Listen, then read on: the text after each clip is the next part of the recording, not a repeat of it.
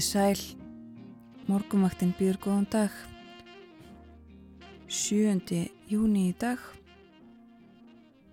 miðvíkudagur og klukkuna vanta nýju myndur í sjö. Vera eitthvað dóttur og Þórun Elisabeth Bóadóttir helsa og verða hér til klukka nýju. Fylgjum ykkur inn í daginn. Og við lítum til veðurs ekki sérstaklega háar hittatölunar á landinu klukkan 6 í morgun. Áttastega hiti þar sem var hlýjast og á einum stað á kortinu var hitin við frostmark.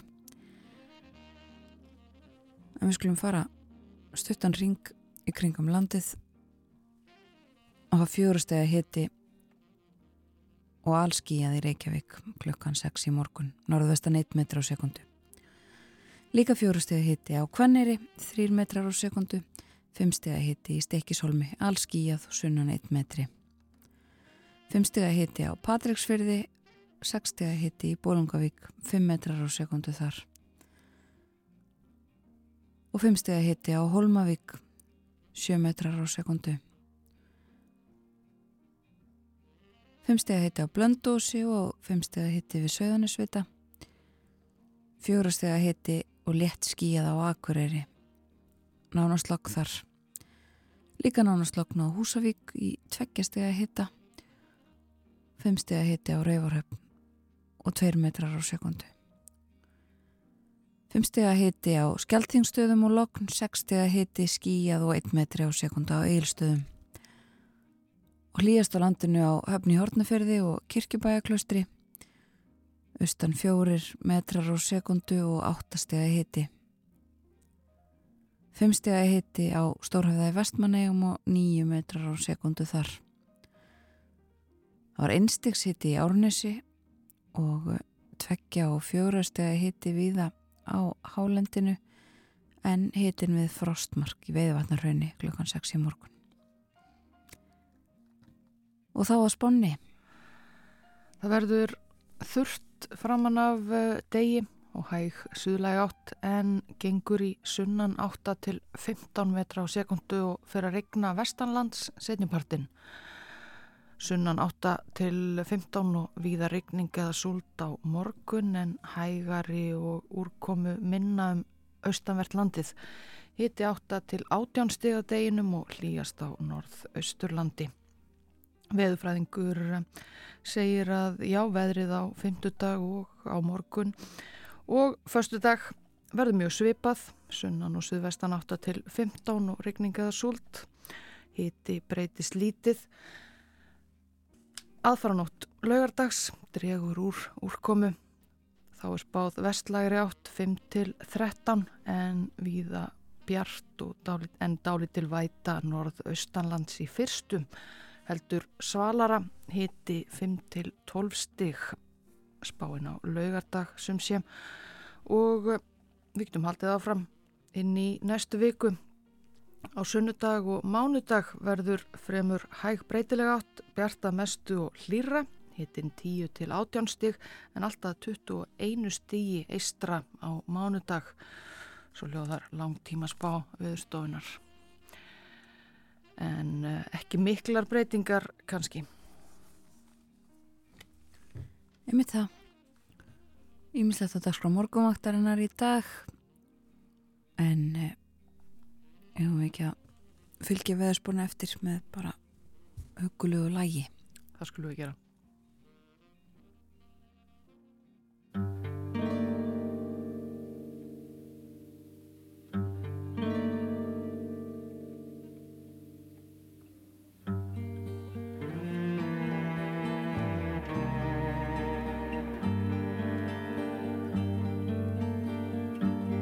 Pussy willows, cattails, soft winds and roses, rain pools in the woodland, water to my knees.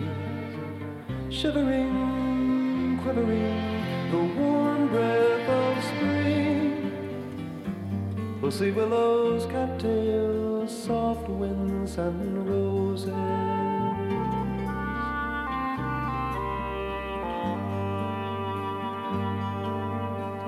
Catbirds and cornfields, daydreams together, riding on the roadside, the dusk gets in your eyes, reveling, disheveling, the summer nights can bring.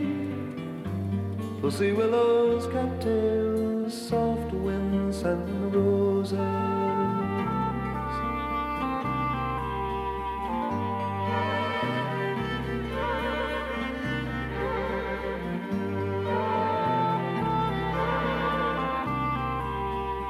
Slanted rays and colored days, stark blue horizons, naked limbs and wheat bins, hazy afternoons. Voicing, rejoicing, the wine cups do bring. Pussy willows, cattails, soft winds and roses.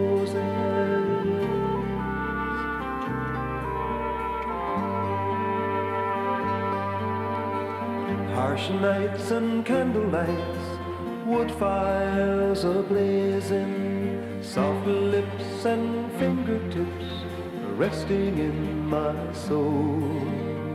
Treasuring, remembering the promise of spring. Pussy willows, cattails, soft winds and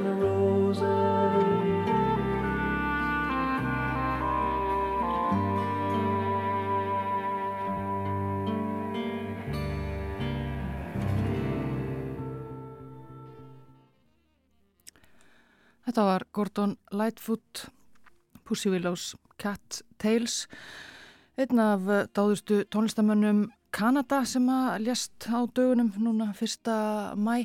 Við ætlum að tala um Kanada síðar í þættinum upp úr hálf átta við Hlín Guðjónsson, sendiherra Íslands í Ottawa.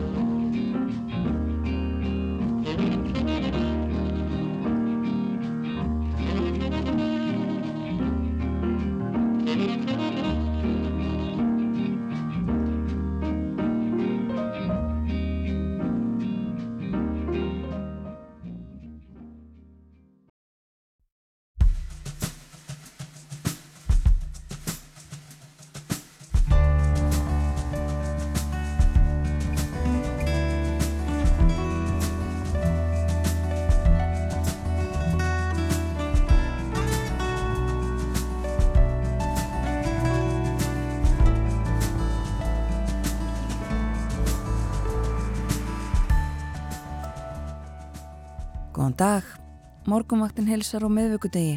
Í dag er 7. júni. Umsjónum en þáttarins eru Vera Íllóadóttir og Þórun Elisabeth Bóadóttir. Við ætlum að ræða um Kanada meðal annars í þætti dagsins. Gunni T.A. Jóhannesson Forseti var í ofinberri heimsókn í Kanada í síðustu viku. Auðvitað með kanadískri eiginkonu sinni Elísu Rít. Ísland og Kanada fögnuðu 75 ára afmæli stjórnmála sambands á síðast ári en tengsl landana náðu þetta mun lengra aftur. Hlinur Guðjónsson, sendiherra Íslands í Kanada er stattur hérlendis. Hann verður gestur morgunvaktarinnar upp úr hálf átta. Og eftir morgunfréttinnar klukkan átta verðum við okkur Borgþór Artgrímsson, fulltrúi morgunvaktarinnar um dönsk málefni. Meðan þess sem er á dagskráni hjá okkur ferð Metti Fredriksen fórsettisráþurra til bandaríkjana þar sem hún fundaði með Joe Biden. Svo ætlum við að tala um önnur stjórnmál, líka þessum kartöflur og um úlfa. Borgþór verði með okkur upp úr klukkan átta. Í gær var tilkynnt um andlát eins allræmdasta njóstnara bandarískra sögu. Robert Hansen lést 79 ára aldri í klefa sínum í háöryggisfangels í Colorado. Hann var dæmdur til lífstíðar fangelsisvistar 2002 fyrir að hafa sem starfsmæður alríkislaugurglunar FBI njóstnað fyrir Sovjetríkin og svo Rúsland í meira en 20 ár. Hann let rúsum í tíu mörg þúsund, leinileg skjöl og sveik fjöldamanns og fekk verið það ríkulega greitt. Við förum yfir sögu Hansens upp úr klukkan hálf nýju. Lítum til veðurs. Í dag verður hæg söðlega átt, skíjaða mestu en úrkomu lítið. Vaksandi sunnanátt á vestanverðurlandinu eftir hádegi og fyrir að regna þar setnipartin. Hitti 10 til 18 stig hlýjast eistra. Veðrið á 50 dag og förstu dag er mjög svipað, segir í húleðingum veðurfræðings. Sunnan og suðvestan 8 til 15 metrar á sekundu og regning eða súld en hægari og úrkomi minna austan til. Hitti breytist lítið. Það dregur úr úrkomi aðfara nótt laugardags og á laugardag vestlæg átt 5 til 13 metrar á sekundu en viða bjart og dálítil væta norðaustanlands í fyrstu. Heldur svalara með hita 5 til 12 stig. Á sunnudag og mánudag verður fremur hæg breytileg átt bjart að mestu og hlýra. Hiti 10 til 18 stig en alltaf 21 stigi eistra á mánudag. Og eh, aðeins meira af veðrinu. Við rákum augun í það í gær að Einar Sveinbjörnsson veðurfræðingur sem heldur úti vefnum Blika hann eh, saði frá því að sólskinn stundir höfðu í gær aðeins verðum átta talsins frá því á kvítasunnudag og eh, á höfuborgarsæðinu þar að segja ég held nú að það er ekki orðið fleiri í gær. Kannski eitthvað örlítið. En eh, hann segir yfir söðvestur söðvestanverðu landinu hefur leiði nær samfelt skýja breyða svo dögum skiptir. Lítið er ringt úr þessum skýjum svona súlda vottur annarslægið en síðasti sóladagurinn var þarna lögadaginn um kvítasunuhelgina 27. mæ og hann var reyndar eitt þryggja í afspyrnu sólarrillu mæ Sólskinstundir hafa aðeins verið um áttatalsins frá því á kvítasunudag og ef að sólskinni á þessum árstíma væri dreift jamt nýður á dagana væru þær sex á dag. En þessu sólalösu dagar undanfartan daga hafa ekki verið kaldir og hiti í Reykjavík verið í meðalagi og eh, allt útlitt fyrir að það drægi frá á laugardag og sálinn náði að skína þá. En eh, svo lengri tíma spá sem að einar skoðar fyrir vikuna 12. til 19. júni er hagfæld, hærri þrýstingur og þurrara ennað jafnaði en segir lítið um skíafarið. Engum við sjávarsíðuna þar sem að samspil lofthita og sjávarhita er afgerandi fyrir eigu út í miðju allansæfi. Og nefnir svo og uh, hefur yfir einn vinsalasta leikskólasöng landsins og segir það kemur alls ekki óvart að svo sé sól úti, sól inni, sól í hjarta, sól í sinni, sól í sálu minni. Það er ákveðt að hafa þetta yfir. Lítum í eh, blöðin eða blaðið, það er eh, morgumblaðið spennandi mynd á fórsýðu morgumblaðsins hennan eh, morgunin af fjórum mönnum opna 800 ára stingkistu í skálholti, mætti halda að þetta væri mynd úr, gröf Tutankamons eða eitthvað viðlika í Egiptalandi en þetta eru fjórir menn sem að opna þarna 800 ára gamla stingkistu Páls Jónssonar biskups í skálholti. Uh, og kista þessi vegur 730 kílóð og því ekkert smáverka að opna hana. Uh, í Frett uh, um þennan gjörning í morgunblæðinu er rætt við um, sérfræðing á þjóðmennasafni Íslands, Dr. Joe Wallace Wostler III. Hann er sérfræðingur í mannabeina fræði á þjóðmennasafninu og hyggst rína í líkamsleifar Páls Biskups.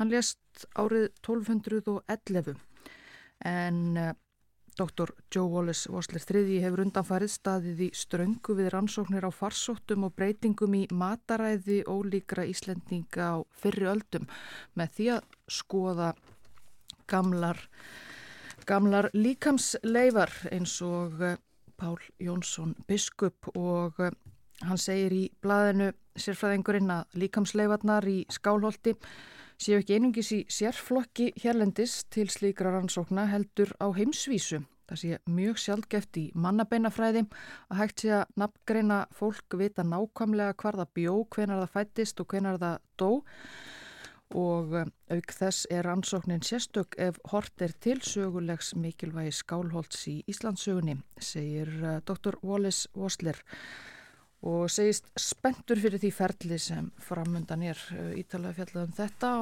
síðu fjögur í morgumblæði dagsins. Annars er fór síðu fréttin frá uh, Svíþjóð frá Karolínska háskóla sjúkrahúsinu í uh, Stokkólmi. Karolínska hefur tekist að eigða 93% byðlistanna áttak sem náðist með samhendu átaki starfsfólks spítalans og rætt við Björn Sóega, forstjóra Karolínska. Hann segir, þegar ég kom úr sömarfrí í fyrra Þá kallaði ég stjórnendur mína til fundar og spurði hvort við ættum ekki að losa okkur við bygglistana sem sapnast höfðu upp á spítalanum. Og uh, hann segir ekki hafa verið einhug um að þetta væri góð hugmynd uh, en greinilega mikill árangur náðst þar eins og fjallaðurum í frétt morgunblansins og, og rætt við Björn Sóega. Og meira frá Svíþjóð Það er uh, fórsjöðu frétt á dagins nýheter í Svíþjóð uh, fara á uh, úr skólakerfinu og sagt uh, margir skólar uh, já, sendu neðakall eða vara við stöðunni þeir verði þvingaðir til uh, niðurskurðar. Og það er svo að blaðið sendu út fyrirspurn til sveitafélaga og fekk svör um stöðu efnaðarsmála og uh, tala við um, skólastjóra og fleiri og meðal annars einn hér á fórsíðunni sem að segir að það sé ekkit hægt að fækka fólki, það sé mjög lítið hægt að skera niður en staðan alvarleg viða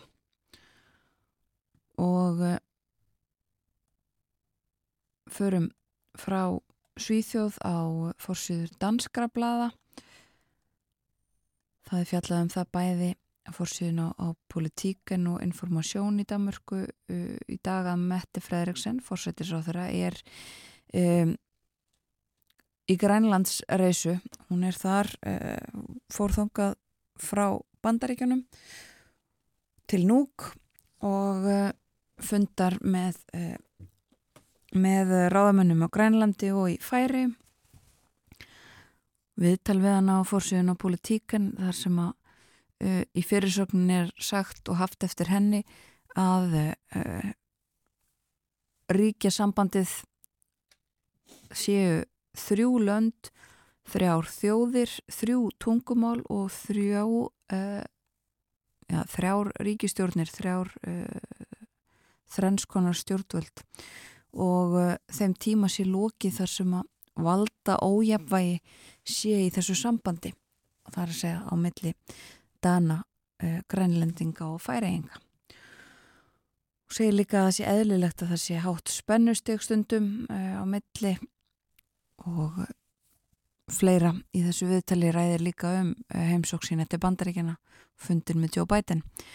En á fórsíðin og informasjónir talaðum uh, talaðum um, uh, norðurslóðamál í tengslu við þessa heimsóknanar hún sé stönd þarna og, og það sé orðið forgangsatriði hjá dönskum stjórnvöldum um, norðurslóðamál á stuttum tíma hafi þau mál uh, farið úr því að vera já, lít spennandi í það að vera fyrsta forgangsmál flestra.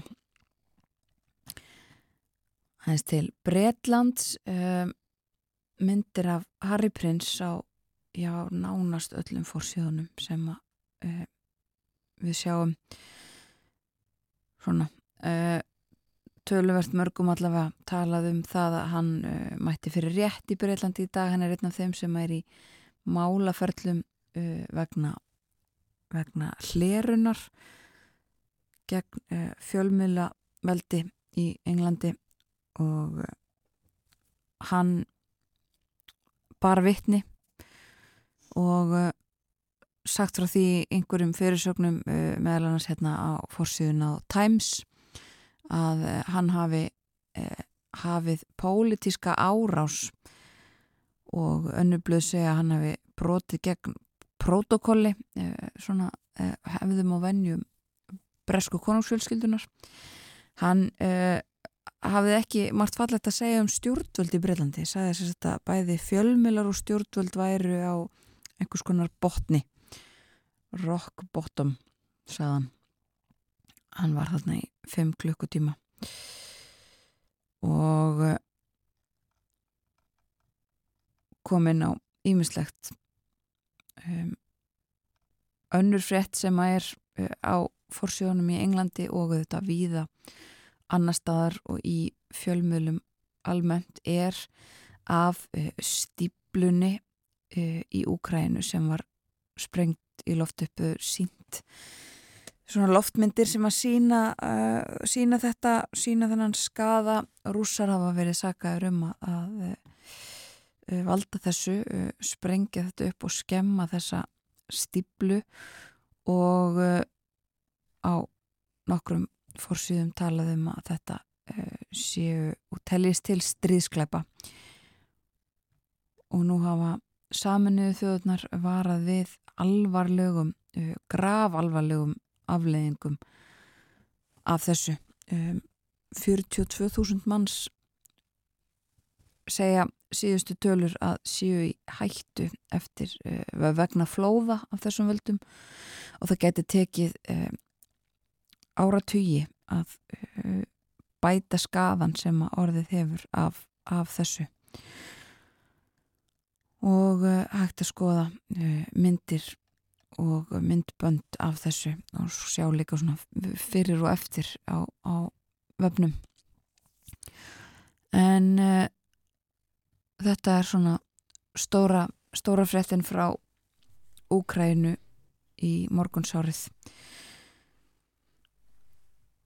En heyrðum líka af því í morgun að uh, það bætist enn í uh, hóp frambjóðanda republikanaflokksins sem að vilja fá útnefningu sem fórseta efni flokksins Chris Christie uh, fyrirverandi ríkistjóri orðin einn af þessum uh, fjölmörgu sem að uh, ætla að gefa sér fram bjóða sér fram öllu heldur. En hann hefur ekki mikinn stuðning eins og staðin er í dag meðal republikana segjum þetta gott af erlendum fréttum í byli við verðum auðvitað með hugan og annan svona annað augað í útlöndum í þættinum í dag og í viðtölum dagsins. En látin er í bandaríkunum brasilíska tónlistakonan Astrud Gilberto 83 árað aldri. Gilberto var eiginkona brasilíska gítarleikarans Joao Gilberto langþægtust fyrir að hafa sungið með honum og bandaríska saxofónleikaranum Stan Getz hið viðfræga lag The Girl from Ipanema á plötunni Getz Gilberto 1963. Það var raunar ekki planið að hún væri með á þeirri plötu Astrúd fylgdi eiginmanni sínum í stúdíu sem tólkur en bauð svo til að syngja lægi þegar það vantaði söngkonu sem tristi sér í að syngja á ennsku. Og Astrúd Gilberto fórst það svona vel úr hendi, lægið slá í gegnum uh, víða veröld og heyrist en, en Astrúd fekk reynda bara 120 dólara fyrir söngin og uh, nafni hennar fyrstum sinn hverki getið á umslagi plötunar.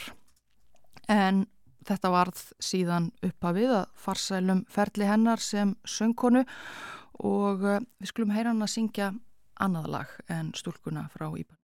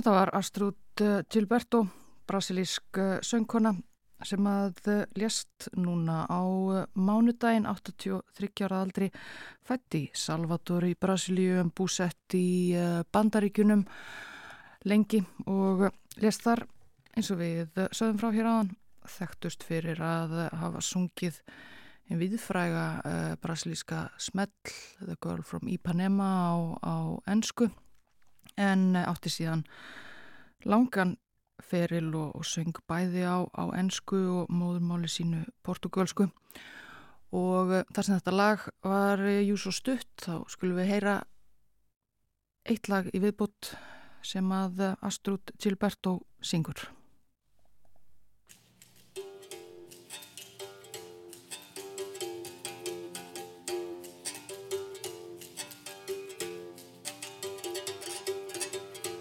Quem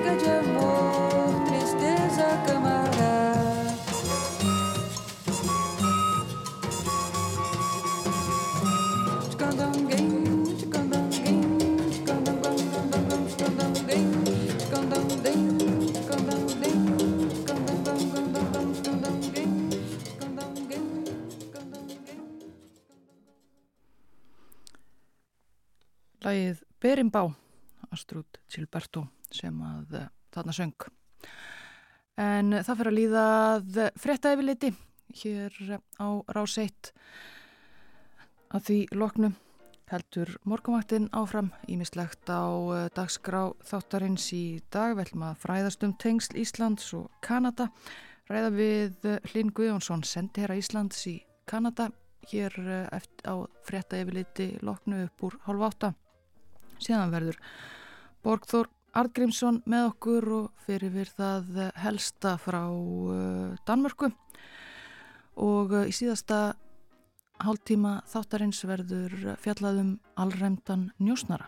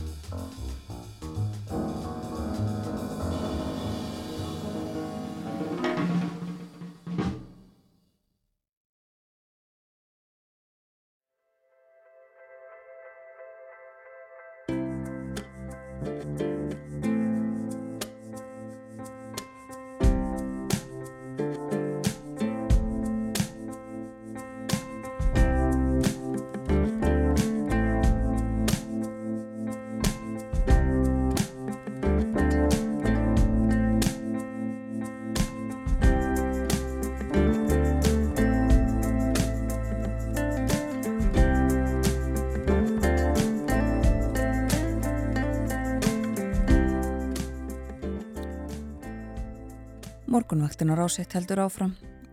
Fretta yfirleitið að baki og klukkan orðin rúmlega hálf átt á þennan miðvíkudags morgunin. Og það er hæg, suðlega átt og þurft í dag en það gengur í sunnan 8-15 metra á sekundu og fyrir að regna vestanlands setnipartin. Á morgun sunnan átt 8-15 metrar á sekundu og víða regning eða súld en hægari og úrkomi minna um landið austanvert. Hiti 8 til 18 stega deginum hlýjast sem fyrr á norðausturlandi. Svipað veður sem satt í kortónum í dag og á morgun og raunar líka á föstu dag. En eh, breytist á lögadag þá er gert ráð fyrir því að það verði víða bjart en dálítil væta norðaustanlands og heldur svalara hitin 5 til 12 stig á lögadag. Aftur svo bjartað mestu og hlýra á sunnudag og mánudag. Þá getur hitin farið upp í 21 stig á Östurlandi en uh, gert ráð fyrir sólskinni víðast hvarum landi þá mánudag og sunnudag aðeins líka. Svo það eru goða fréttir. Við minnum á það að hér á eftir verður Borgþór Artgrímsson með okkur efstabau í Danmörku á dagskráni Borgþór uh, með okkur annan hvern miðugudag þó kom hann í svona smá auka fréttatíma í síðustu viku. Hlustundur láti það ekki örgla sig en hann verður sannsagt með okkur í dag. Og svo í lokþáttarins þá uh, ætlum við að fara yfir sögu eins alræmdasta njóstnara bandarískra sögu. Robert Hansen hétt hann meirum það upp úr klokkan hálf nýju en uh, næstu mínúturnar ætlum við að ræða um Ísland og Kanada tengsl þessara ríkja Já, breytt öryggis umhverfi norðurslóða munu hernaðarleg umsvið aukast á norðurslóðum eða er hægt að tryggja áframhaldandi samvinnu. Þetta er yfirskrift uh, málfunds á vegum rannsóknarsetur sem norðurslóðir í samstarfi við Vardberg, Utaríkis, Ráðunetið og Vardnar og Öryggismálanett Norðurslóða og Norður Ameríku. Þessi málfundur fyrir fram í fundarsal þjóðminjasapsins í dag. Hann hefst klukkan hálf tíu og stendur uh, til 16 til 4 og á fundinum verður rætt um hernaðar umsvið, hernaðar samstarf og ímsar eh, áskoranir á norðurslóðum og þar takk til máls sérfræðingar í öryggismálum bæði frá Íslandi og Kanada og eh, þá ávarpar fundin einnig sendi herra Íslands í Kanada, Linur Guðjónsson og hann er komin hingað á morgunvaktina. Verður velkomin Linur. Takk fyrir. Já, við skulum byrja örlítið eh, á þessu, eh, á þessu málfundi eða málþingi. Kanada eh, hefur auðvitað gríðar mikill að hagsmunna að gæta á norðurslóðum mikið land og, og hafsvæði þarna. Er þetta, er þetta fyrirferða mikið mál í Kanada, norðurslóðamál? Norðurslóður, já, bæ, bæði í uh, norðurskautið kanadíska og svo norðurslóður í, eða, norður í, í Kanada. Það er hérna hefur fengið aukið vægi svona, ég, ég myndi ekki segja kannski ekki endilega síðustu 16 mánuð en undanfærin ár. Mikil umræða um, um, um héröðun sem, sem eru þá Yukon, Northwest Territories og Nunavut og, og efnahags e, uppbyggingu þar og, og, og ja, í, í misleg samfélagsmál sem hafa komið upp á, á því svæði Og eru uh, Ísland og Kanada þegar í samstarfi á, á þessu sviði? Það hefur verið samstarf á milli Íslands og, og Kanada, já, hvað milli, milli landhelgiskæslu Íslands og, og Kanada og, og um, uh, í varna samstarfi gegnum NATO. Kanada var til og með hér með flugsveit fyrir ykkur nokkrum vikum í, í eftirliti í kringum Ísland og það hefur svona verið í gegnum tíðina hér og þar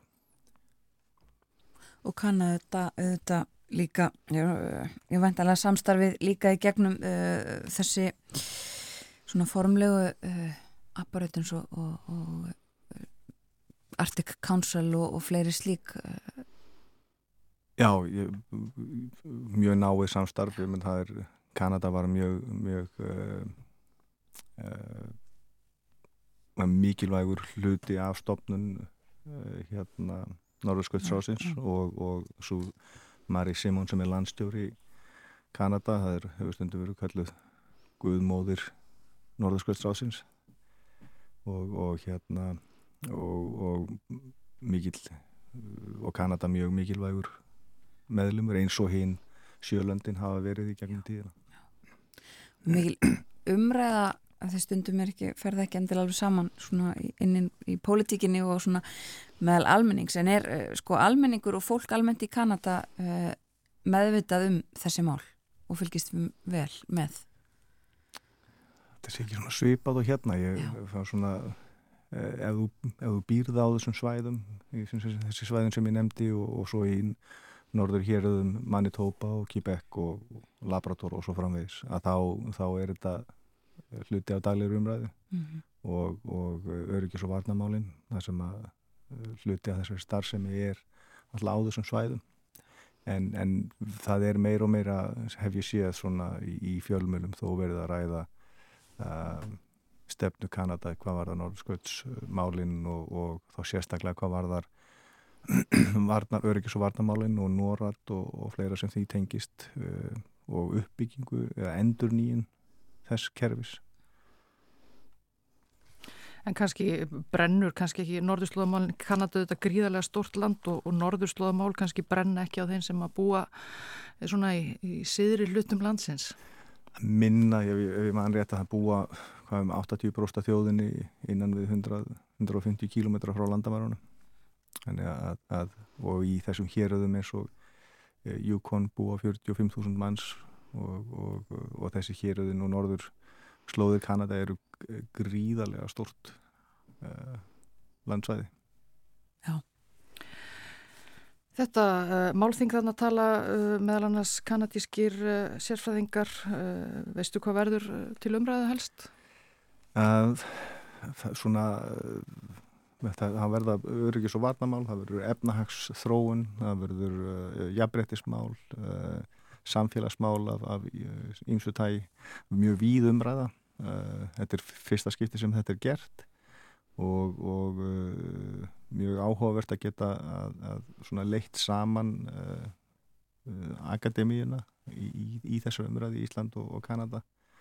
Og við höfum náttúrulega verið að, að ræða þessi máli gegnum uh, sum, gegnum Norðurskjöldsráðið og, og í gegnum Norðurskjölds hérna um, netverkið á Akureyri. Uh, þannig að, að uh, margt af þessu hefur verið verið til umræðu og, og margt og mikið gert uh, til dæmis í jafnrættismálum hvað var þar svona rannsóknir og, og, og annað í, á, norð, í, á norðurslóðum. Þannig að þetta er svona að hluta til framhalda þeirra umræði en, en að hluta til er þetta ný, ný nálgun og á, á, á þessu umræður verður mjög spennandi Tölum aðeins um, uh, já, á almennari nótum, þú hefur verið sendið herra Íslands í Ottawa í hvað, tæp uh, tvö ár núna. Hvað, uh, hvað er sendir á Íslands í Kanada svona helsta fást við? Við erum, eh, semst, eh, tókum ákvörðum þegar ég, þegar ég áður en ég kom að vera með um, sterkan fókust á, á, á viðskipti þannig að við höfum verið að, þá sérstaklega hvað var þar heilsu, tækni og þjónustu eh, endur nýjarlegar orku og þjónustu og svo bláa hagkerfið. Eh, Ísland hefur svo upp á mikið að bjóða eh, hvað var þar til dæmis þessi þessa, þessi, þessi, þessa þrjá geira. Í, það var að verða að stopna til heilsutækni klasa á Íslandi fyrir nokkru mánuðum og eftir ykkur á nokkra vikur þá er komnir yfir 60 fyrirtæki sem eru meðlemið þar. Þannig að það eru og í bláa hagkerfuna þá eru við með gríðarlega mikið af, af, af um, öflugum fyrirtækjum sem eru í, í alls konar hlutum sem tengjast sjónum og, og, og, og svo framvegis. Og það hefur og þetta er mjög fjölbreytt alveg frá kerisist til hérna hefring, marín og og uh, rafnar og, og svo framvegis. Þannig að það hefur verið, verið í fókus hjá okkur. Og, uh, og, og ég verður að segja að gengi mjög vel, Kanada er opinmarkaði fyrir Íslands fyrirtæki þannig að þetta hefur verið uh, ég segi ekki létt en, en, en léttara heldur en kannski ofta áður og öðru mörguðum eins og í bandaríkjana Jáhá, þannig að það er, þú sjálfur hefur, hefur unni við, viðskipta tengsli í bandaríkunum einmitt, þannig að þetta er, þetta er öðruvísi landslag. Þetta er aðeins öðruvísi landslag, já, það er opnar að finnst mér uh, til dæmis að komast inn í stór fyrirtæki eins og, eins og uh, orgu fyrirtæki uh, þessi skipti sem við höfum verið í samskipti við til og með orgu fyrirtæki í Kanada þá höfum við verið bara leitt beint af þeim sem að þurfa að vitu um máli og taka ákvarðanir í staðin þurfum að fara í gegnum deildir ríkistjórnarsamskipta og, og svo framvís sem oft vilja halda hörðunum lokuðum. Eru Kanadamenn kannski líkar í Íslandingum þá svona í, á þessu sviði? Ég veit það nú ekki. Þetta er náttúrulega Norður Ameríka sko þannig að, að Kanadabúar eru, eru, eh, eru, eru þaðan eh, en, en þetta er svona aðeins eru aðeins hérna slagari heldur en sumsvæði í bandaríkunni ég segi það, þetta sé ekki allstaðar en, en svona, og, og eru óbáslega opnir fyrir Íslandi. Ég menn það ef við verum að gera eitthvað e, menningatengt til dæmis í, í Kanada þá fáum við umfjöllun og, og oft mikla umfjöllun. Þannig að þeir eru áhuga samir og, og opnir fyrir, fyrir Íslandi. Já þannig að þú tekur eftir í það að það er mikill áhuga á Íslandi bæði í viðskiptum og öðru. E, e, ef, þeir, ef þú kemur til þeir og byrjar að spjalla um Íslanda þá eru þeir áhuga samir, já. já. En þeir vita kannski ekki, ekki mjög mikið ákvarðat um hvað Íslandi er en, en, en, og hvað það hefur upp á að bjóða til dæmis í fjárfestningum eða, eða viðskiptum almennt en eru opnir og áhuga samir ef þú, ef þú, ef þú, ef þú tekur talið. Já, Já uh, og þetta uh, ég hvað er ekki kringum 200.000 manns eða eitthvað svo leiðis held ég að lesa sem að eiga rætur sinir að rekja til uh, Íslands eða vestur Íslandingar á, á þessum slóðum. Er það uh, málefni sem að sendiráð hefur eitthvað uh, með að gera? Já, já, við erum í, í heilmögnum samskiptum við, við, við vestur Íslandinga samfélagið og svo erum við með aðalara skrifstofi í Vinnipeg líka. Já, og, en það eru mjög stórar þetta kemur manni mjög mikið á óvart ef maður kemur hvað, og fyrsta skipti sem ég kom til dæmis á þjóðræknistingi í, í Kanada held ég 2011 að mér hafði aldrei fundist ég verið jafn lítill íslendingur eins og þá en þess að fólk var bara með svo óbóslega miklar tilfinningar gagvart gamla landinu og vissi svo mikið og, og maður var svona átt að segja á því að maður var ekki alveg á sama stað næstu því sko. þannig að það er, það er það er mjög sérstætt að samfélag og ég menna þetta eru, það eru held ég síðasta uh, manntali hjá þeim 2016 þá voru yfir 100.000 íslendingar sem, sem mertu við Íslendingar segi, Kanadabúar mm. sem mertu við að, að þeir væru af íslenskum uppruna. Og það er, ég meina, það er mjög stórt. Já, uh, ég las þengst þar að það, uh, það sé í ár, jáfnvel 150 ára ammæli fólksflutninga frá fyrstu fólksflutningana frá, frá Íslandi til Kanada. Það hlýtur þá að vera haldið eitthvað upp á það. Já, semst 2025 fyrsti stóri hópurum kom 1875 til Manitoba. Þannig að það verður 150 ára ambali eftir, eftir, eftir tvö ár tæp. Hvernig er þetta, uh, Linur, með, hvað því þú nefndir einmitt, það eru þetta uh, aðalræðiskristofa í Winnipeg og þar, uh, þar er ræðismæður sem er frá, kemur hérðan og svo er sendiráðið í Ottawa þar sem að þú ert. Hvað er þetta marg? Er þetta stórar skrifstúr, stórt sendiráð? Sendiráðið er mjög lítið, við erum þrjú og þannig að það er einmanniski sem sér um, um allt bókald og, og skrifstofuna og, og svo framvegis þannig að þetta er, þetta er mjög lítil þannig að það eru tveir aðeila sem eru að sinna þessum viðskiptamálum, menningarmálum og svo framvegis Já, og mikil samskipti við uh, ræðismunni í Vinnipökk Jájú, það er hérna og þá sérstaklega hvað var það þessi þessi hérna uh, vestur íslendingamál mm. og, og önnu verkefni. Við erum Mm, til dæmis að áttóðum okkur eða sá til dæmis svona lítið verkefni sem maður sér allt ín á Íslandi er, er komið ó, ó, ótrúlega stól mikið af, af ungum jazztónlistamennum sem eru bæði hérna flytjendur og, og eru að semja þannig að við fórum í það að sapna saman þeim upplýsingum sapna öllum upplýsingum um jazzfestival í, í, í Kanada og, og munum koma þessum upplýsingum á þessa ungu tónlistamenn til þess að þeir geti séð hér getur þú sótt um, hér er, hér er hérna fyrir þessa dagsetning og svona. Þannig að það eru svona og, og, og Winnipeg tók þetta verkefni til þess að vinna þannig að það er, ímiskonar samstarf. Já, það er mikill áhugi líka á Íslandi fyrir svona þessum, þessum, þessum kanadísku nýlendum sem á orði komast, finnum maður mm. alls, konar, alls konar samstarfi.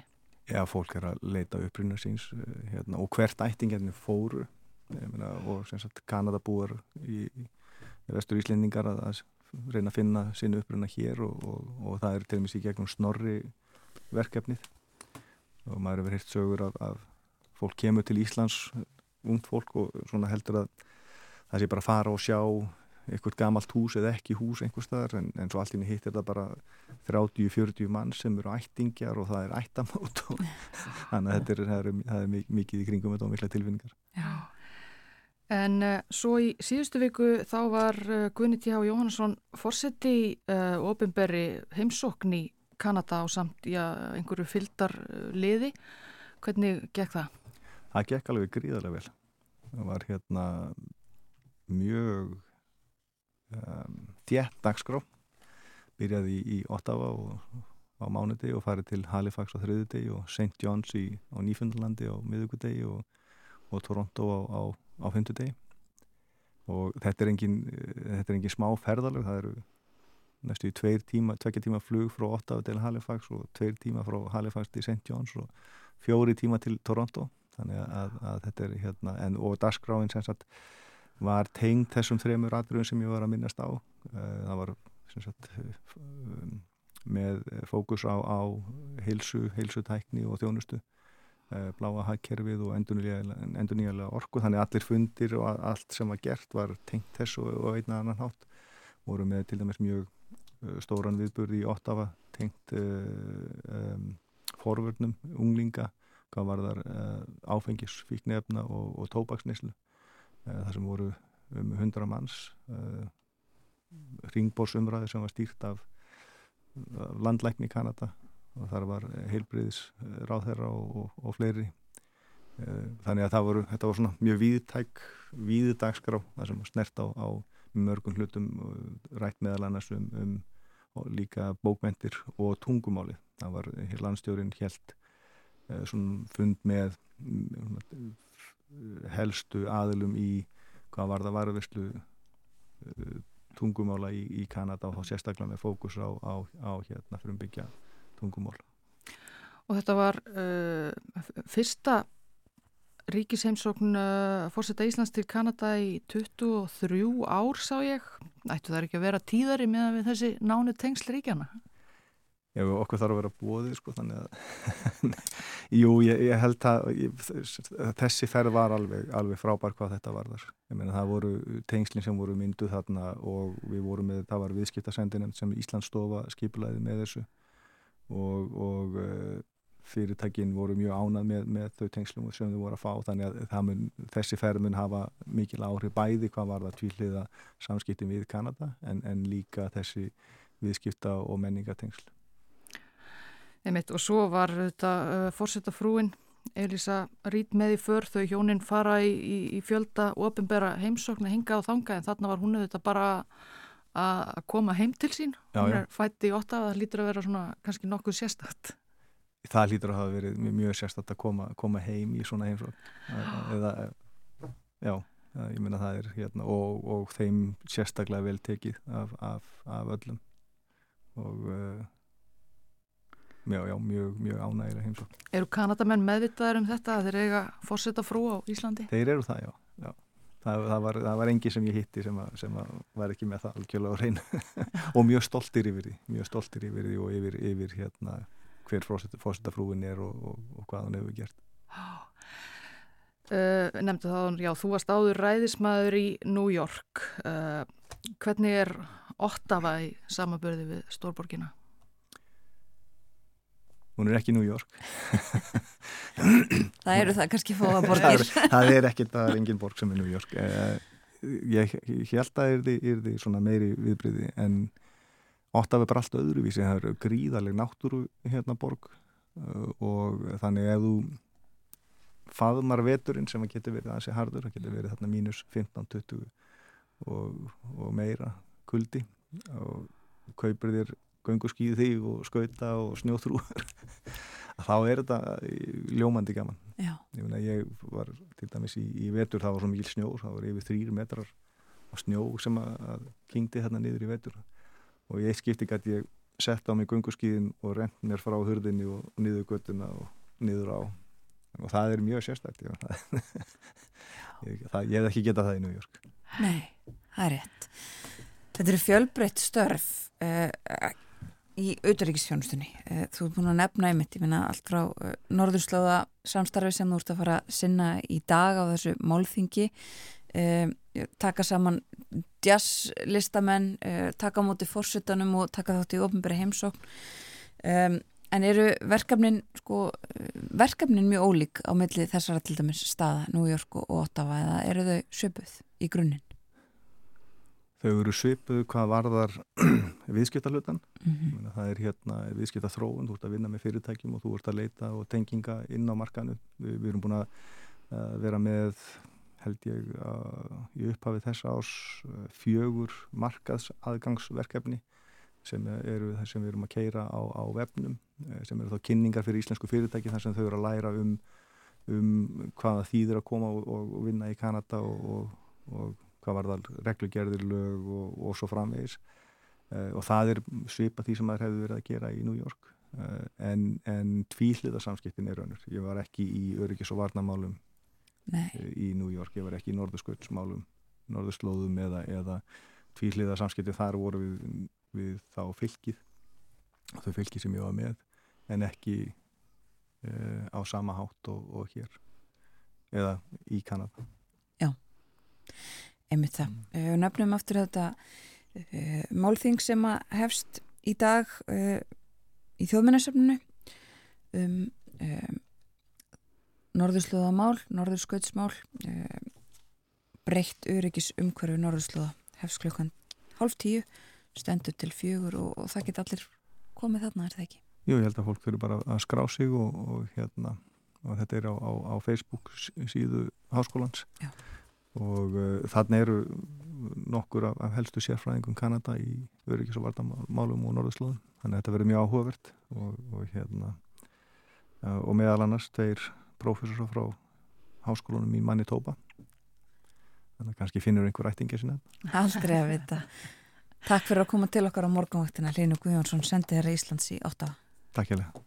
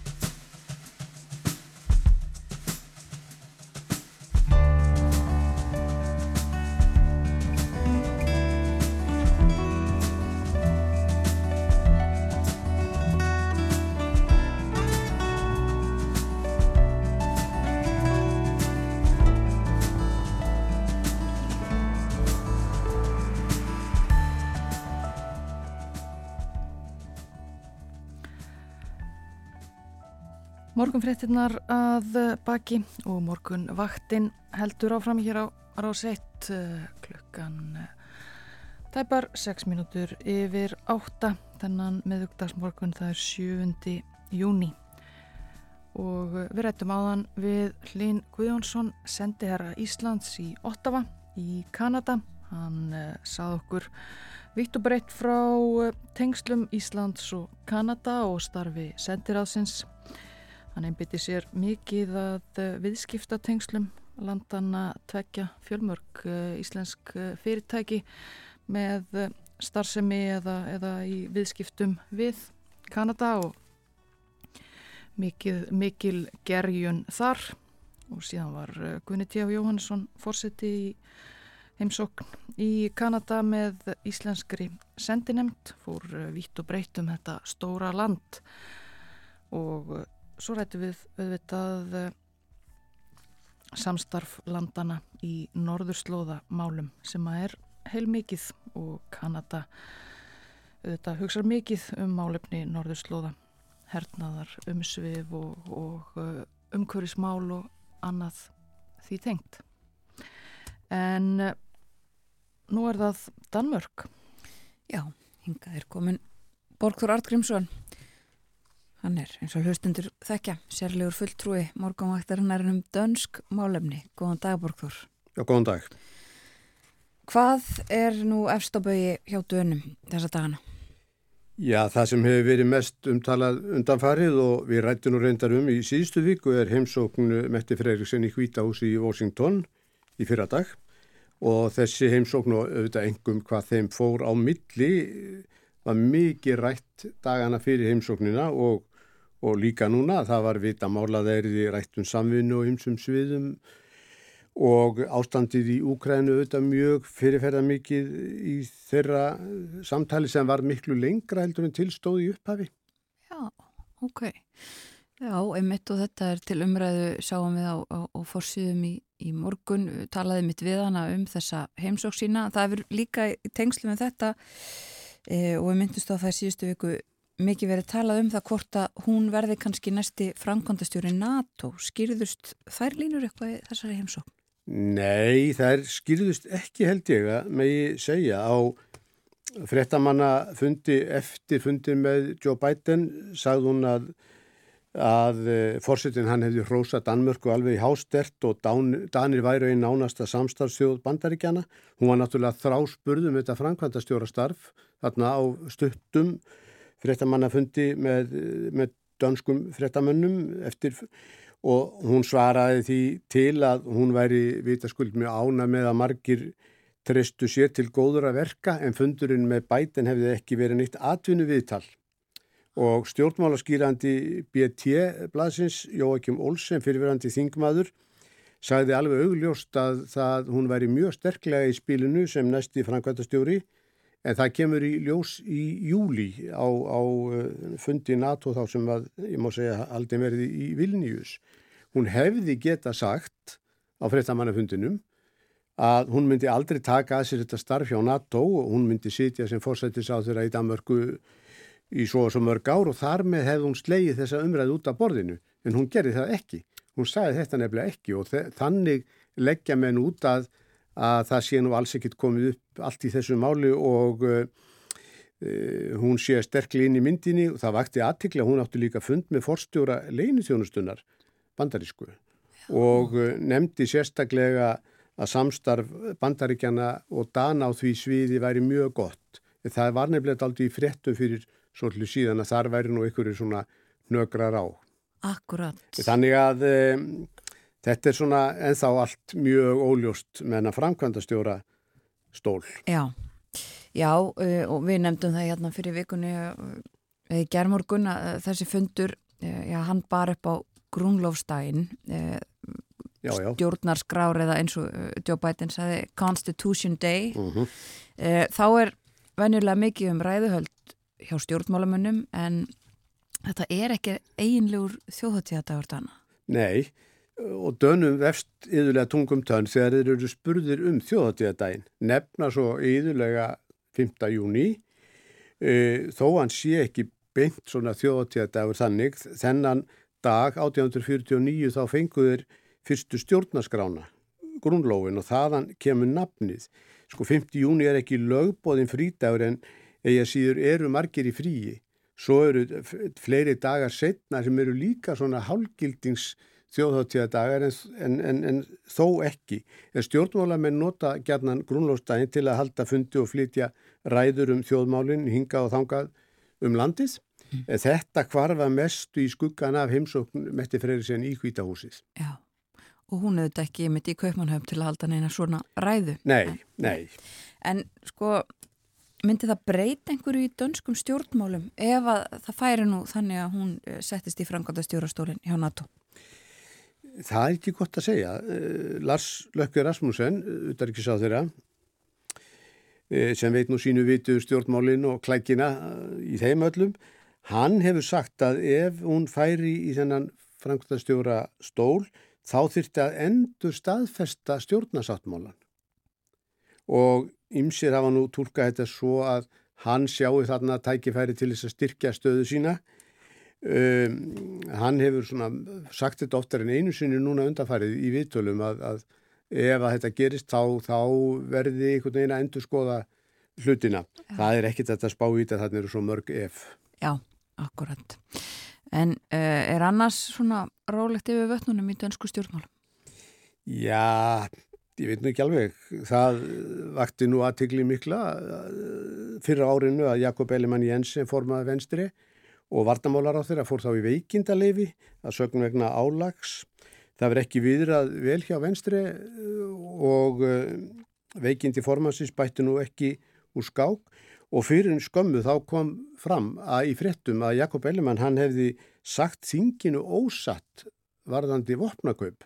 Það hefur talsvöldur í fjallan þetta í dönskum vilum og uh, þá sagðan að þingið hefði einungis nokkra klukkutíma til að segja af eða á um vopnakaupp frá Ísraelskum framleganda.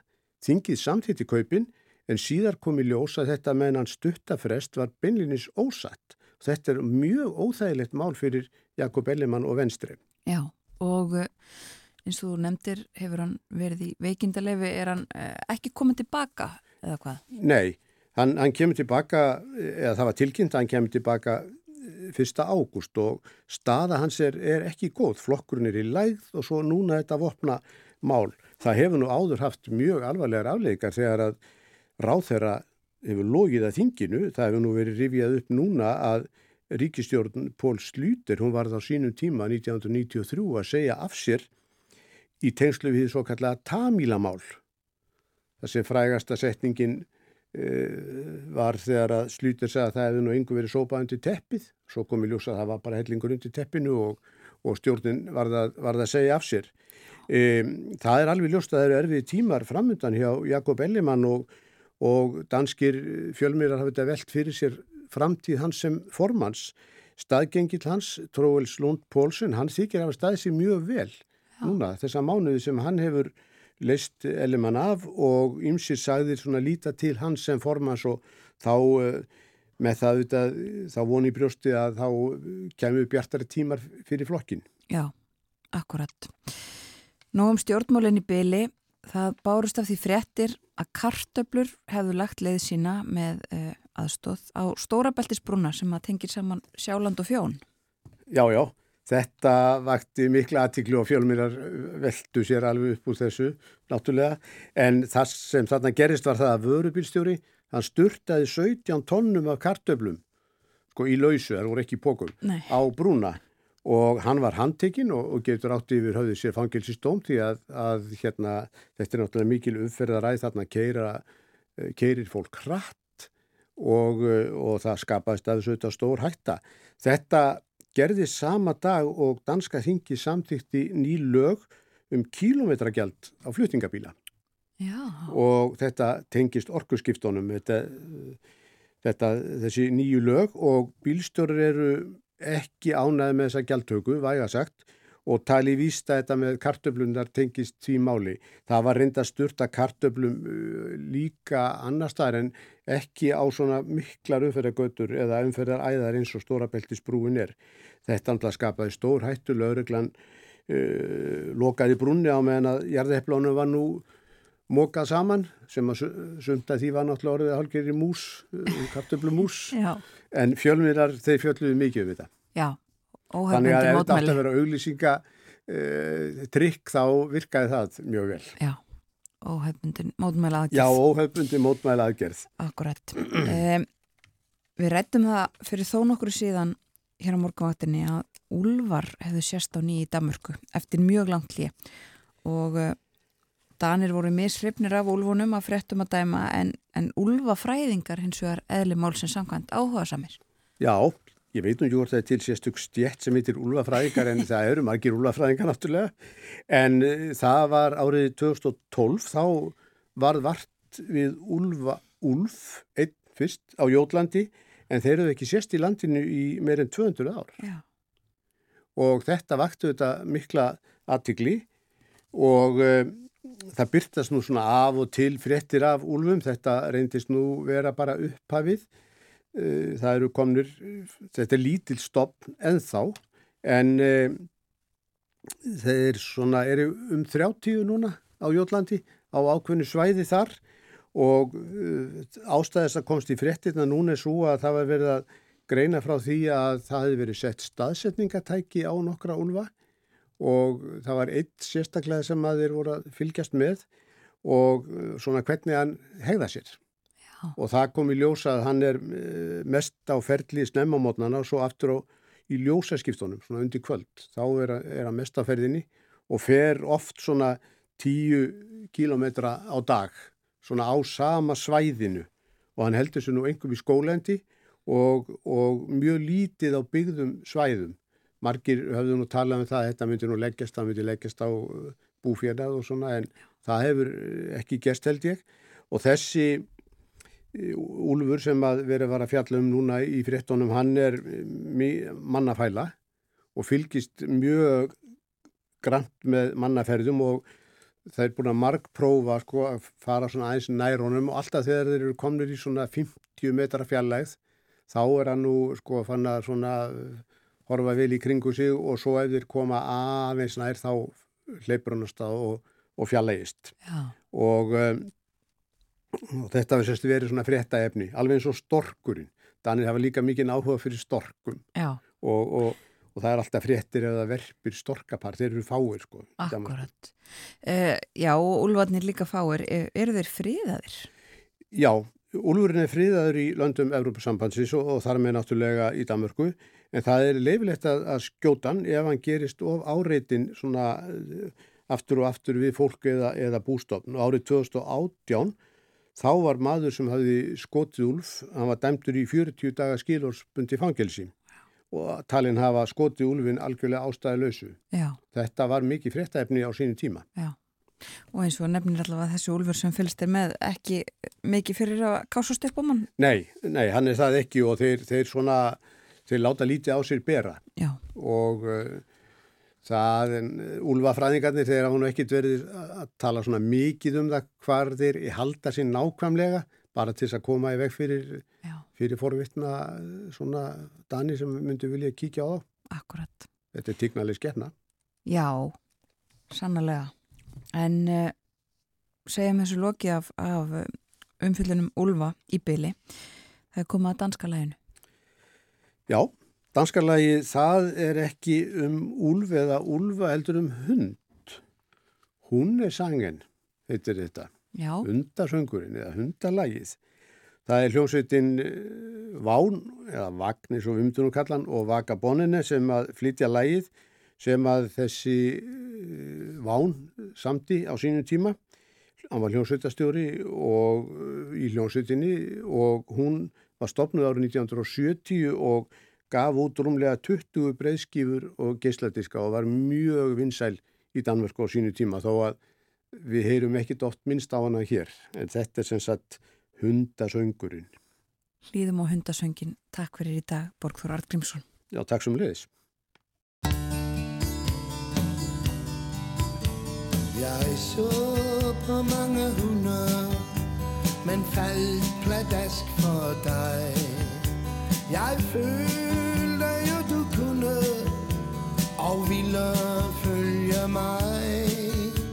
Jessica, lige siden har vi to fuldtes ad, og al din hundeviden har gjort mig klog og glad.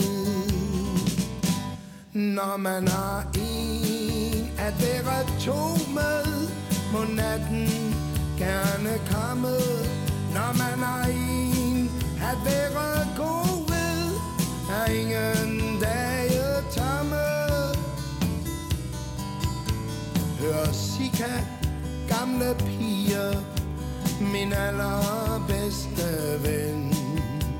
Vi to er ikke rige på jordisk gods, nej, men vi har andet er højere værdi. En aftentur langs vandet i rigdom inden i. Når man har en at være to med, må natten gerne komme. Når man har en at være god ved, er ingen dage tomme.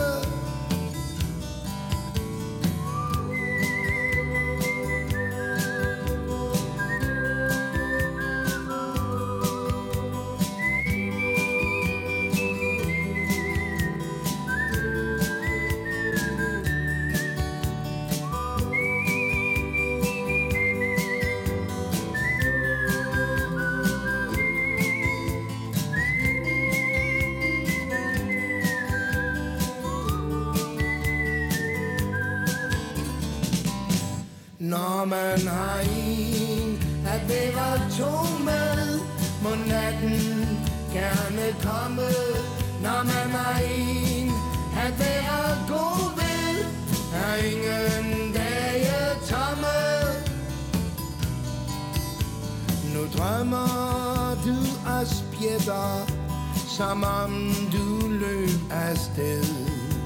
Mod grønne, frie sletter, med dejlig sol og fred. Jeg sidder sammenkrybet med et vemodigt smil, fordi du snart har løbet din sidste drømmemil. Når man har en at være to med, må natten gerne komme.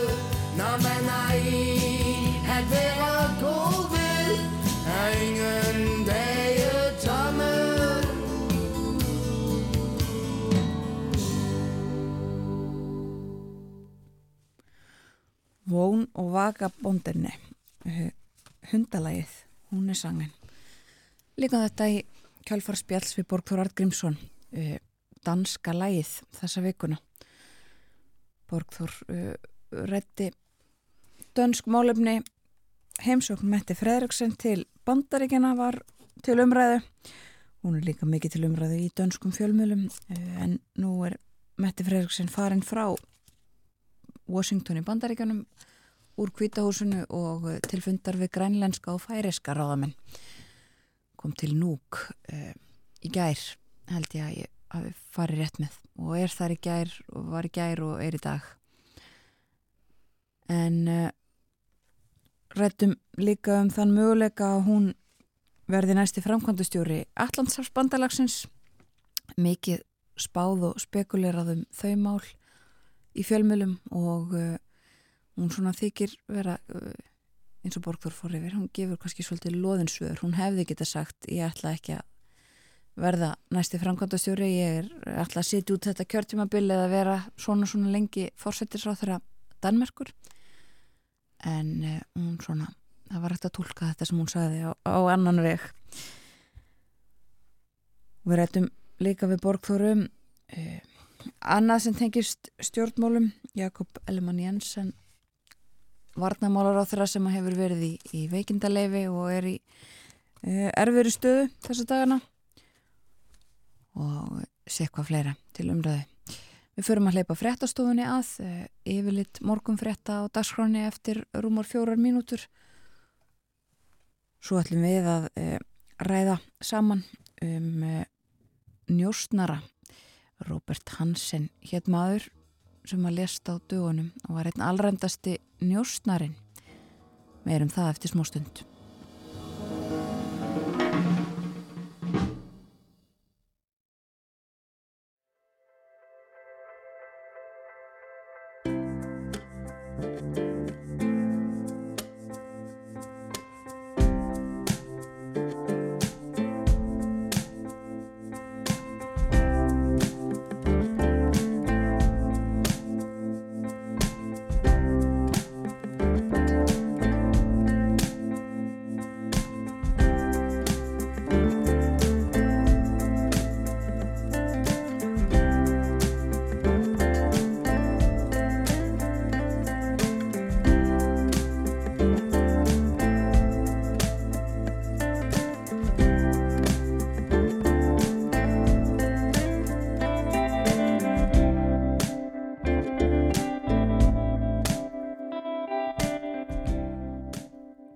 Morgunvaktin heldur áfram hér á rás 1 klukkan orðin rúmlega hálf nýju það er miðvíkudagur í dag 7. júni síðasti hluti þáttarins framöndan þennan morgunin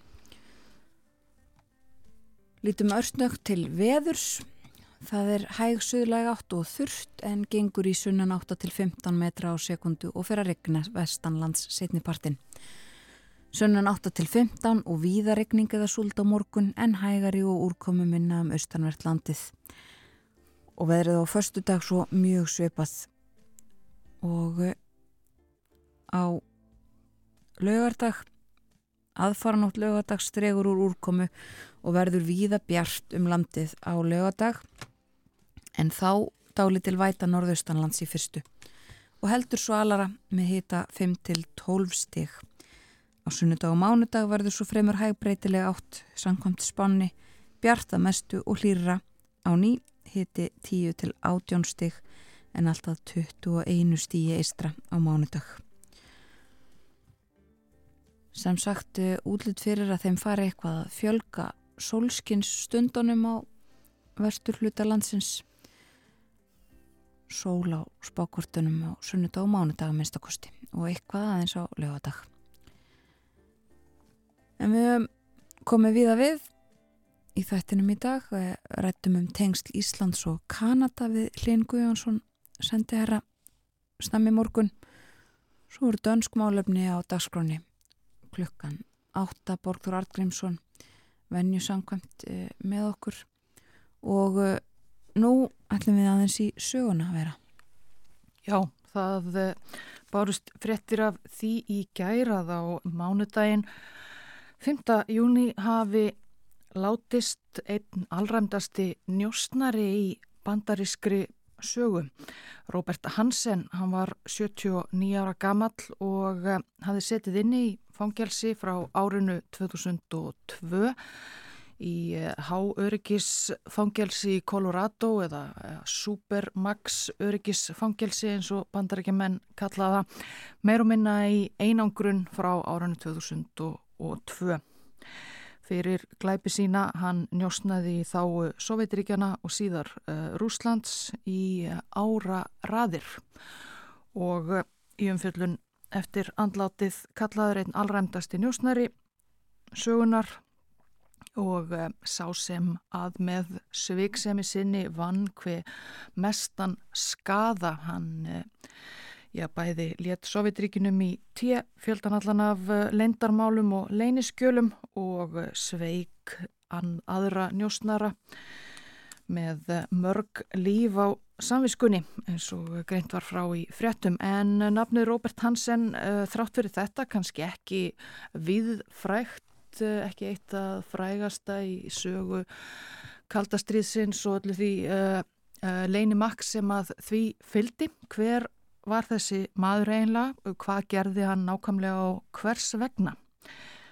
Skulum renna aðeins yfir sögu Roberts Hansen. Hann fættist 1944 í útkverfi Chicago inn í miðstjættar fjölskyldu þar í borg og sem ungur þá var hann afar áhuga samur um uh, bækur og kvikmyndir um leinithjónustumenn og njósnara James Bond og uh, aðra kappa.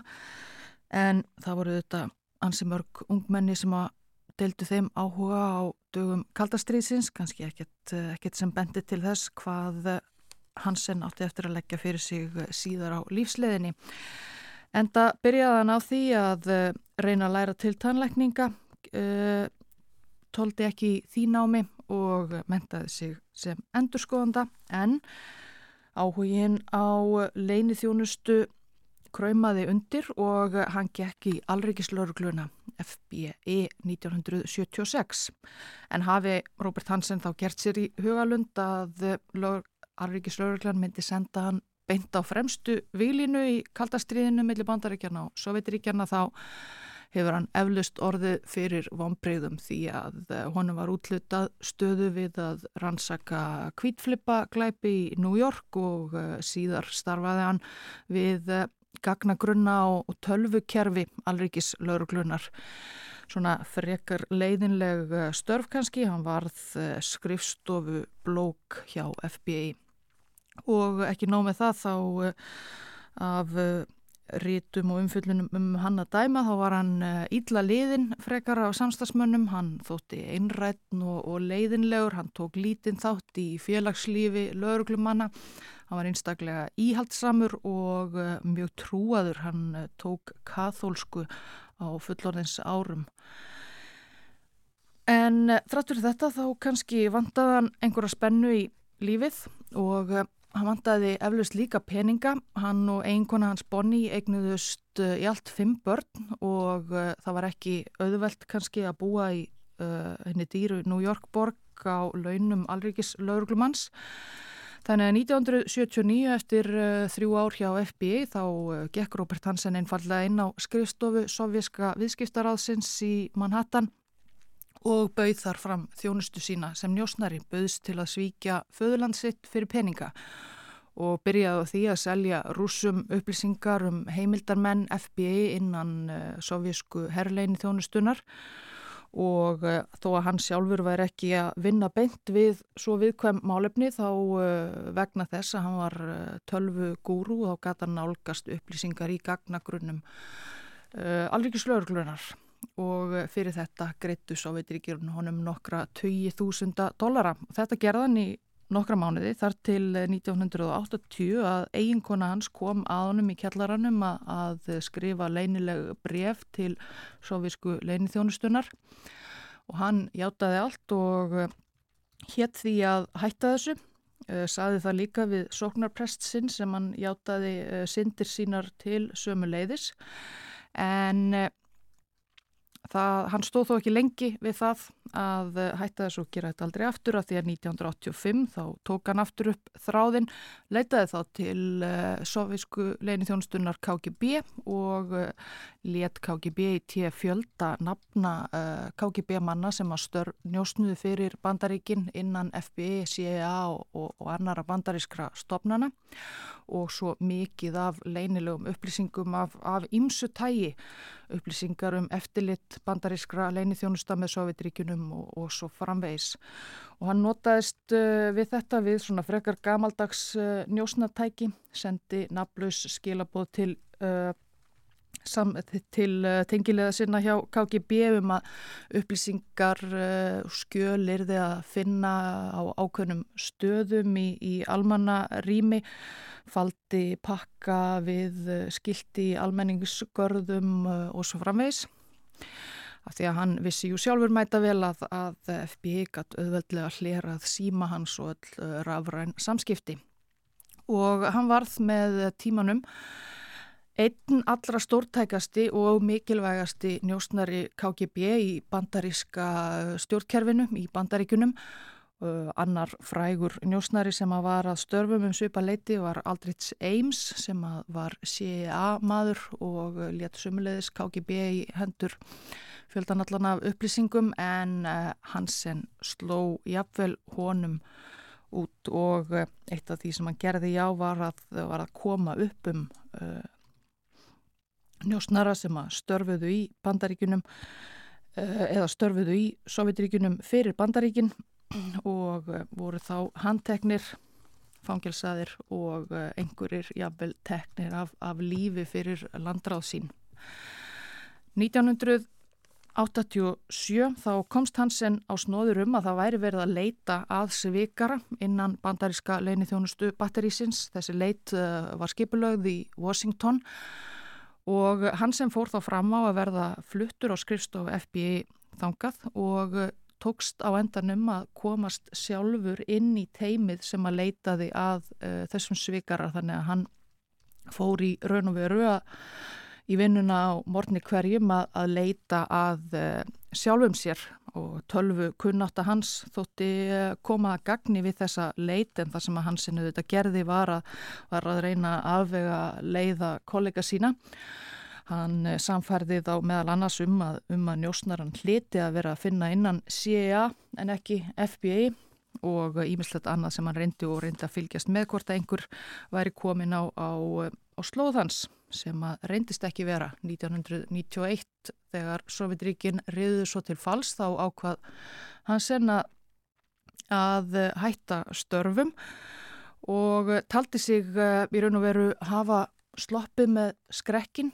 Hann passaði sig á að falla ekki grefjur sem að aðrir uh, njósnarar gerðu eins og áðurnemdur Aldrich Ames sem að fór að vekja aðtegli og grunnsemtir hjá kollegum sínum þegar hann á, á uh, launum leinithjónustu manns var allt í hennu farin að kaupa sér uh, rándýra sportbíla og klæðskýra snýtt uh, jakkafött. Það var uh, helst það sem að fyrst kveikti grunnsemtir um að hann hefði, hann hefði eitthvað órind mjöl í pokahorninu en eh, Hansen reyndi svona að, að láta ekki á því bera að, að soviska leinithjónustan var eh, bara í hann uh, fjö, reyndar einhverjir ættingjar Hansen hjónana sem komu í heimsókn og tóku eftir því að það lágu seðlabungt kvarvetna og glámbekk á, á heimili þeirra og einn uh, máur uh, sem að meira segja létt alveg vita af þessu fannst þetta, fannst þetta undarlegt en svo en svo ábending týndist einhvern veginn í, í kerfinu. En eitthvað var þess valdandi 1999 að Hansen ákvað að í þriðja sinn taka uh, aftur upp þráðinn sem njósnari þá Sovjetiríkin ekki lengur til en hann hafði samband við rúsnesku leini þjónustu stofnunina SVFR, eina af tveimur aftökum KGB og eh, bauð fram þjónustu sína og eh, fór strax að, að dæla leini skjölum í SVFR með áður nefndum gömlum leiðum. En þarna var ennþá verið að leita að svikara innan FBI, FBI og, og CIA Búið var að handtaka Aldrich Ames og fangelsa en í ljós hafi komið að, þær upplýsingar sem að bandaríkjumenn vissu að hefðu einhvern veginn komist uh, yfir til Sovjetiríkjana hafði Ames sjálfur ekki alltaf haft aðgang að þannig að uh, það var ljóst að það var annar svikari að störfum sem að ekki hafi, sem að ekki hafi náðst. Og í og samin að teimi FBI og CIA sem að rannsakaði þetta hafði upp á þarna 1999 einmitt þegar að, þegar að Hansen var að taka aftur upp þráðin hafði upp á gamlum KGB manni.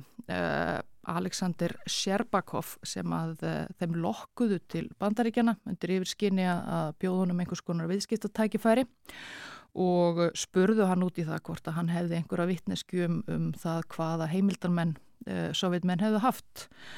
Og hann reyndist ekki bara að hafa upplýsingar um það heldur uh, komi ljós að Sjerbakov þessi hafði þegar, hann, þegar KGB leistist upp eftir lók Sovjetiríkjana tekið með sér öll skjölum um þennan þennan njóstnara Sovjetiríkjana í alrikiðslauglunni og var með þau heima hjá sér og böðist til, til að sækja þau til Moskvu og koma með til til bandarækjana sem að hann uh, gerði, fekk fyrir 7 miljónir uh, dollara og landvistar leifi fyrir sig og fjölskyldu sína í bandarækjunum. Uh, og í þessum gögnum þar var þó ekki nafn, rétta nafn Svikarans en það var upptaka af rött hans og sumulegðis bref sem að hann hafi skrifað tengilegðum sínum hjá KGB og úr, upp úr þeim gögnum tókst mannunum að bera kennsla á njósnaran uh, hlustuð á röttina bár ekki kennsla á hana alveg strax þú hún ringdi kannski einhverjum uh, bjöllum hjá einhverjum en uh, það var aðalega svona orðfæri í brefum í brefum njósnarnars til KGB sem á endanum var til þess að Robert Hansen rivjaðist upp fyrir rannsakendum. Hann var sífælt til dæmis að vitna í setni heimstyrjaldar hersöðingjan General Patton sem að eh, kollegar hansins myndu að hann hafi sífælt, eh, sífælt verið með á vörunum og þegar þeir hlustuðu aftur á upptökuna þá kom í ljósa jú þetta var eh, Robert Hansen, maður sem að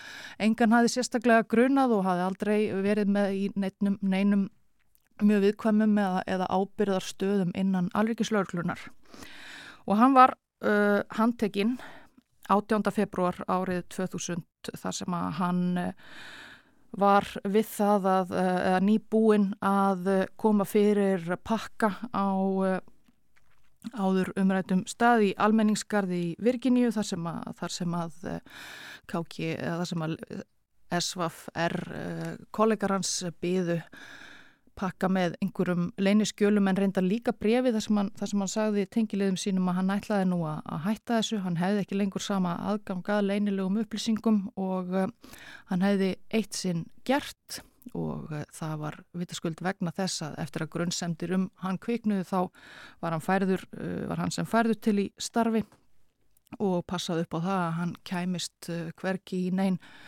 neyn leinileg gögn eða, eða viðkvæm. En uh, hann var sem sé handekinn og uh, játaði sög spurði meira að segja hvernig í óskupunum uh, kollegar hans hjá alrikiðslauglunni hefði verið svona lengi að hafa hendur í hári hans trúðið svo valla sjálfur. Og hann var fyrir það að sína samstarfsvilja við rannsóknmálsins þá slapp hann við dauðarefsingu hlaut 15 lífstíðardóma í dómsal eh, í mæ 2002 fyrir glæpi sína. Hann sagði við dómara að hann skammaði sín og eh, baðst afsökunar en eh, var færður sem sé í eh, eitt mesta öryggisfangils í Bandaríkjana í Colorado þar sem hann deildi deild með hriðiverkamönnum eins og Ramsi Youssef og Zakarias Musavi og var þar til dauðadags á mánudaginn Robert Hansen njósnari látin í Colorado ríki. Þetta var eh, sagan af honum.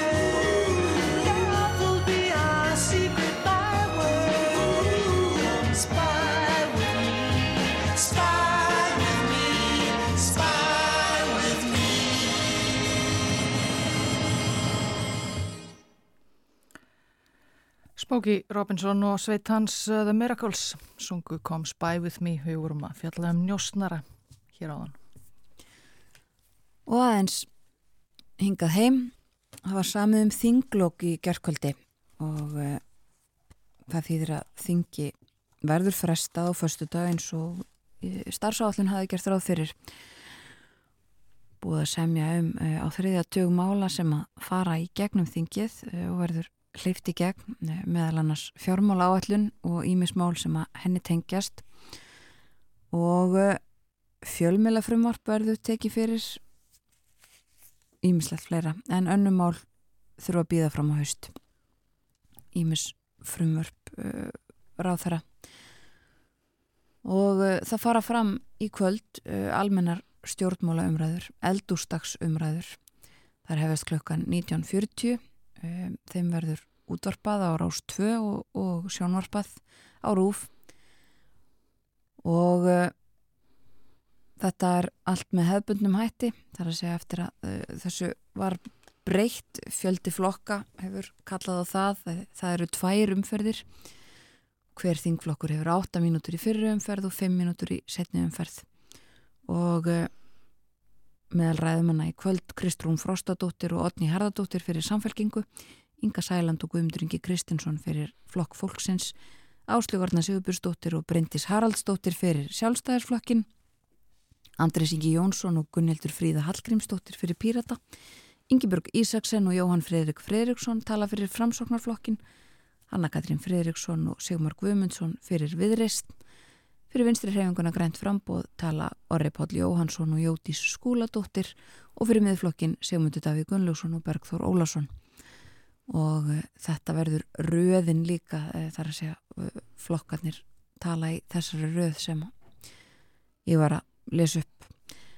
Og nógum að vera á þinginu þegar þessi síðustu dagar eru það þarf að funda í nefndum og uh, halda þingfundi til þess að afgreða þessi málöldsumul og sem fyrir segir þá stemnaðu að því að fresta þingfundum á förstu dag og það er þegar búið ákveða hvenar þing kemur saman aftur í haust uh, það verður þriðu daginn 12. september sem að það gerist. En þessu er að ljúka hjá okkur á morgunvaktinni í dag. Við höfum setið hér frá því snemmi morgun eins og venjulega og það munum við gera aftur í fyrramálið þegar að upp rennur 50 dagur 8. júni á morgun meðal annars heimsklöki á dagskráð þá erlend málefni áfram á morgunvaktinni en uh, við þakkum samfélgina þennan miðvíkudagsmorgunin njótiði dagsins Verðið sæl.